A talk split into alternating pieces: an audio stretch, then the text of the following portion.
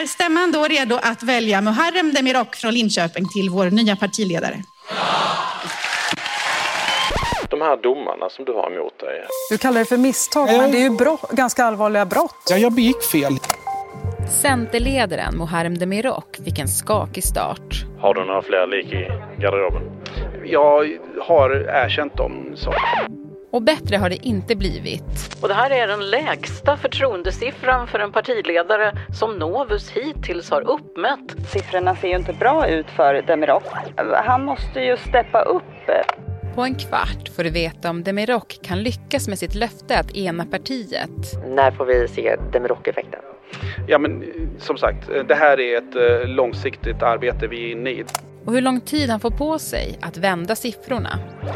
Det är torsdag den 28 september. Det här är Dagens Story från Svenska Dagbladet med mig, Alexandra Karlsson.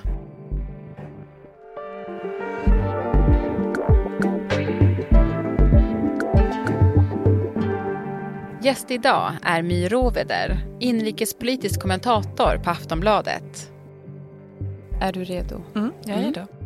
Välkommen ner två våningar i huset, My. Tack. Vad trevligt att vara här. Ja, du är ju inrikespolitisk kommentator på Aftonbladet.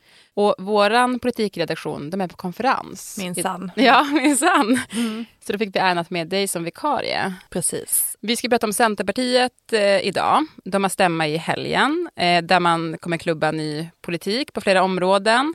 Men först tänkte jag att du skulle få måla upp en bild för de som aldrig har varit på en partistämma. Hur är det där?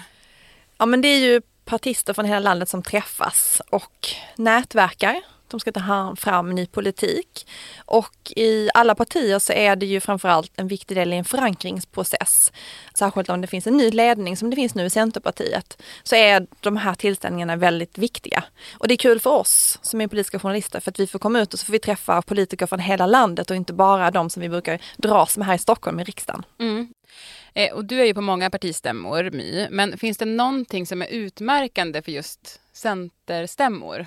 Ja men att det är mycket fika och lite såhär god glad stämning. De har ju liksom en identitet som handlar om att vara det snällaste och trevligaste partiet och eh, det, det liksom lyser ändå igenom tycker jag när man ser dem så samlade tillsammans många. Mm. Men tror du att det kommer vara ett glatt gäng även den här gången då? Det går ju inte superbra för Centerpartiet. Ja, men de har alltid gott humör, men sen hur man mår politiskt det är ju då en annan sak kanske. Mm, för de gjorde ju ett dåligt val och nu har de backat ännu mer och befinner sig i vissa mätningar till och med under riksdagsspärren. Varför går det så dåligt? Men det finns flera anledningar. Den allvarligaste är väl att partiet inte har någon maktposition eh, efter det här valet. Deras mandat behövs inte för att få igenom politik i riksdagen de kan då inte påverka den politik som förs. De kan inte heller liksom profilera sig tydligt då i vilken politik som Centern står för. Det gör ju att de blir lite luddiga i kanterna. Det mm. blir ju alla partier som inte har makt och inflytande. Det blir lite mer oklart eh, var de befinner sig. Och, och det skapar ju ofta en position för partiet att utveckla sin politik, vilket gör dem lite ännu mer suddiga i kanterna. Eh, det andra är att de har en ny och ganska okänd partiledare med Muharrem Demirok och han har inte lyckats etablera sig än. Det gör ju också att det går sämre i opinionen för att syns man så märks det i opinionen. Mm. Ja men precis och det Centern hade tidigare det var ju en väldigt känd partiledare i Annie Lööf. Så att jag menar, det var ju ganska stora skor för Muharrem Demirok som också kallas Murre och sina närmsta vänner. Ja, okay, vi kallar honom inte Murre. Ja, men han fick ju dels ta över eh, efter en populär partiledare och, och välkänd partiledare. Men när han blev vald fick han ju också mest göra intervjuer där det lät så här. Men att du inte berättade, alltså två misshandelsdomar, det var liksom villkorlig fängelsedom. Förstod du inte att det var en viktig sak att berätta?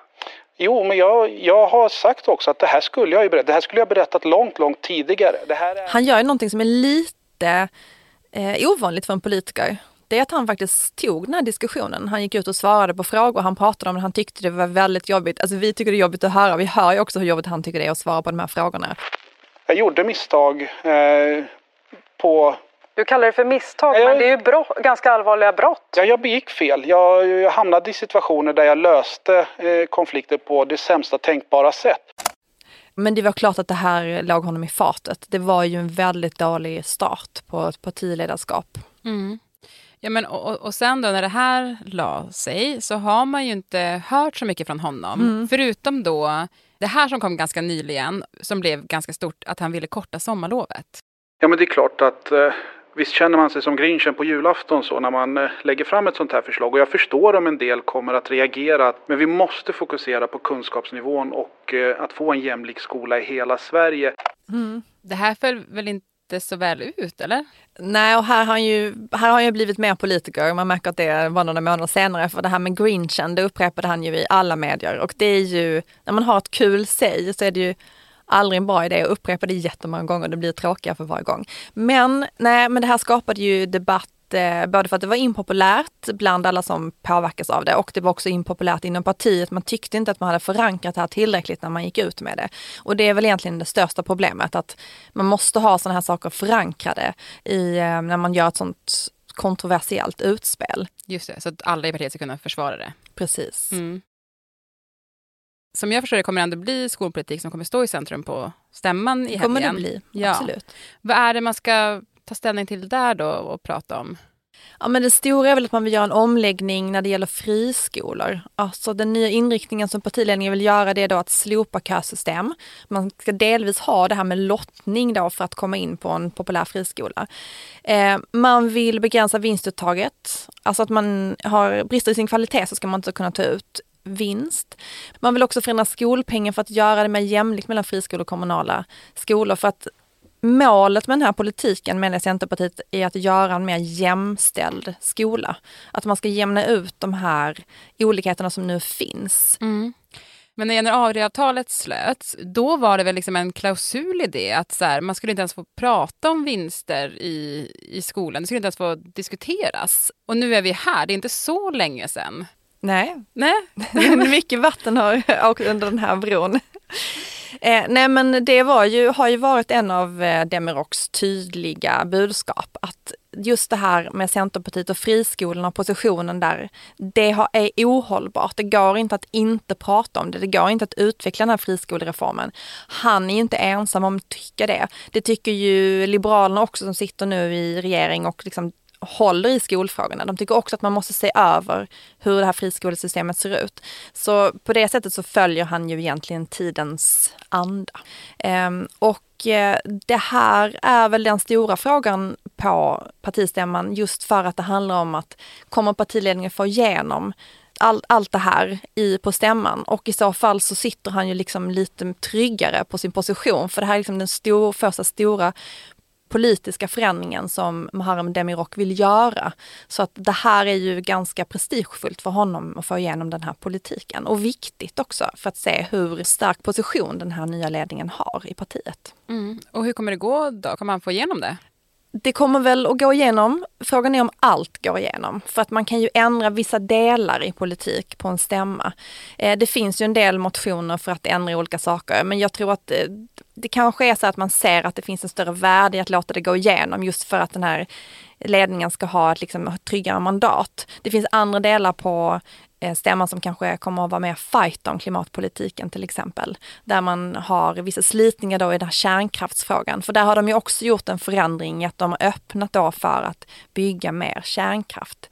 Och det är partiet splittrat kring om man ska få göra eller inte. Så där tror jag det kanske kommer att bli lite eldigare. Men där ligger inte lika mycket prestige för just Muharrem Demirok. Så att skolan är ju det viktiga för honom. Mm. Det ser ut som att det kommer vara ändå rätt spännande på stämman där då. Ja, men det tror jag. Mm. På tal om att samlas så var det ju så att när Muharrem Demirok valdes ny partiledare så var en aspekt man lyfte fram att man ville ha en partiledare som kunde liksom samla hela centerrörelsen. Och han själv lyfte ju fram att han är en inkännande och lyssnande lagledare. Eh, hur har det gått för honom att ena partiet? Det har gått ganska bra. Det finns kritiska röster, men de är samma som tidigare. Eh, jag tror att Centerpartiet ändå ser att det är bra för partiet att ta några år att eh, slicka såren och bygga upp ett nytt Centerparti med utgångspunkt i det som finns nu och att enas kring det. Det vill säga att det finns ingen trygg borgerlighet att återvända till eh, utan det finns en relation till vänstersidan och det är lite oklart hur den ska se ut. Och det kanske också är lite jobbigt för partiet på ett sätt, eller? Det är ju och har varit en stor identitetskris. Men jag tror att man ändå har tagit ett steg bort ifrån det. Att det framför framförallt egentligen var Annie Lööfs arv som vilade ganska tungt i den här identitetskrisen. Och att för Muharrem Demirok så kommer han ju in i en situation som är annorlunda redan från början. Mm. Så att, och den här som vi har pratat om tidigare, då, de här, att man har olika åsikter i till exempel vinster i välfärden. Det, det är bara politik. Nej, men I ett parti så finns det alltid olika åsikter. Eh, och även om man är kritiska nu i det här med vinster i välfärden till exempel, man går ut och kritiserar att man vill begränsa det på ett visst sätt, eh, så betyder inte det att man kommer fortsätta lufta den kritiken efter att partiet har tagit liksom, en position i frågan, utan då brukar partier sluta upp bakom partiledningen. Mm. Men har, om du, du sa där i början att både Liberalerna och Centerpartiet har ju båda svängt i skolfrågan och nu profilerar sig Centern där också. Har Centern en, en större möjlighet att göra det då eftersom de inte sitter i ett samarbete? Nej, Nej, okay. Alltså det, ja, det här är ju inte ett smart drag. Alltså det kommer ju ta tid och det kommer bli svårt att slå sig in i den här frågan. Eh, eftersom det då finns flera andra partier där och Liberalerna har ju ett övertag eftersom man sitter i regering så att man kommer ju ut med de här budskapen på ett helt annat sätt än vad Centerpartiet gör. Alltså nu är de aktuella för att de har en stämma och då pratar vi om dem och pratar om deras politik. Men som jag inledde med här i början så de har ju ingen maktposition. Så i förlängningen så är de liksom bara intressanta egentligen nu i de här mellanvalstiderna eh, när det inte går så bra för dem i opinionen. Så det är ju liksom en uppförsbacke på många sätt här att slå sig in liksom just i skolfrågan. Mm. Om du skulle ge tips då till Muharrem Demirok, vad finns det för plats att ta då? Nej men det är väl kanske att man hade behövt ha fler än en profilfråga som man driver hårt så att man har liksom den här basen att falla tillbaka på. Alltså att man kan få koppla till landsbygdsfrågan. Det gör de ju till viss del men inte så himla tydligt. Att man har kvar sina profilfrågor men försöker bredda då partiet samtidigt. För att det kommer ju ta, de har ju bara tre år på sig nu egentligen till nästa val. Och för Muharrem Demirok så kommer det ju vara avgörande. Nästa val kommer vara avgörande för honom och hans framtid som parti partiledare. Ja men till sist då, vi har ju ändå sett partiledare som kommit och sen fått gå ganska omgående, alltså där man inte haft så mycket eh, alltså utrymme för att inte lyckas så att säga. Alltså, vi har haft partiledare som inte fått prövas i val. Nyamko Sabuni, Anna Kinberg Batra, Håkan Juholt. Kommer Muharrem Demirok gå samma öde till mötes? Eller kommer han stå som partiledare för Centerpartiet i nästa val? Det man som centerpartister säger är att de hoppas han ska göra det och det är ju inte ett bra om, omdöme egentligen. Utan det självklara svaret borde ju vara ja, det ska han. Eh, nu är ju Centerpartiet ett något snällare parti än flera av de som du har mm. räknat upp här. Eh, så jag tror att man ändå kommer att låta honom gå igenom ett val. Men om han misslyckas så kommer han att få gå. Eh, och jag tror också att eftersom de är i den positionen nu, där de inte har något inflytande och det är väldigt oklart egentligen vad som kommer hända efter nästa val, så finns det liksom inget incitament att göra sig av med honom heller. Alltså det kommer inte göra någon stor skillnad eh, för partiet om han är partiledaren eller inte. Det hänger liksom inte riktigt lika mycket på honom. Du, tack så jättemycket My. Tack.